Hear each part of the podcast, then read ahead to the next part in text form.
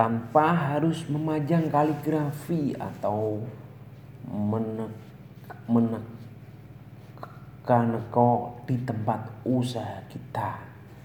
Kayak klenik lah istilahnya. Insya Allah usaha apa pun yang Anda tekuni akan ramai dikunjungi pembeli. Pelanggan yang datang jumlahnya berlipat-lipat.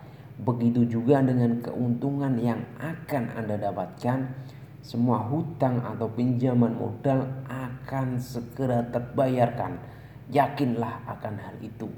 Maka tak heran jika amalan seribu dinar kerap disebut-sebut sangat cocok diamalkan oleh mereka yang tengah bermasalah secara finansial atau bahkan terlilit hutang.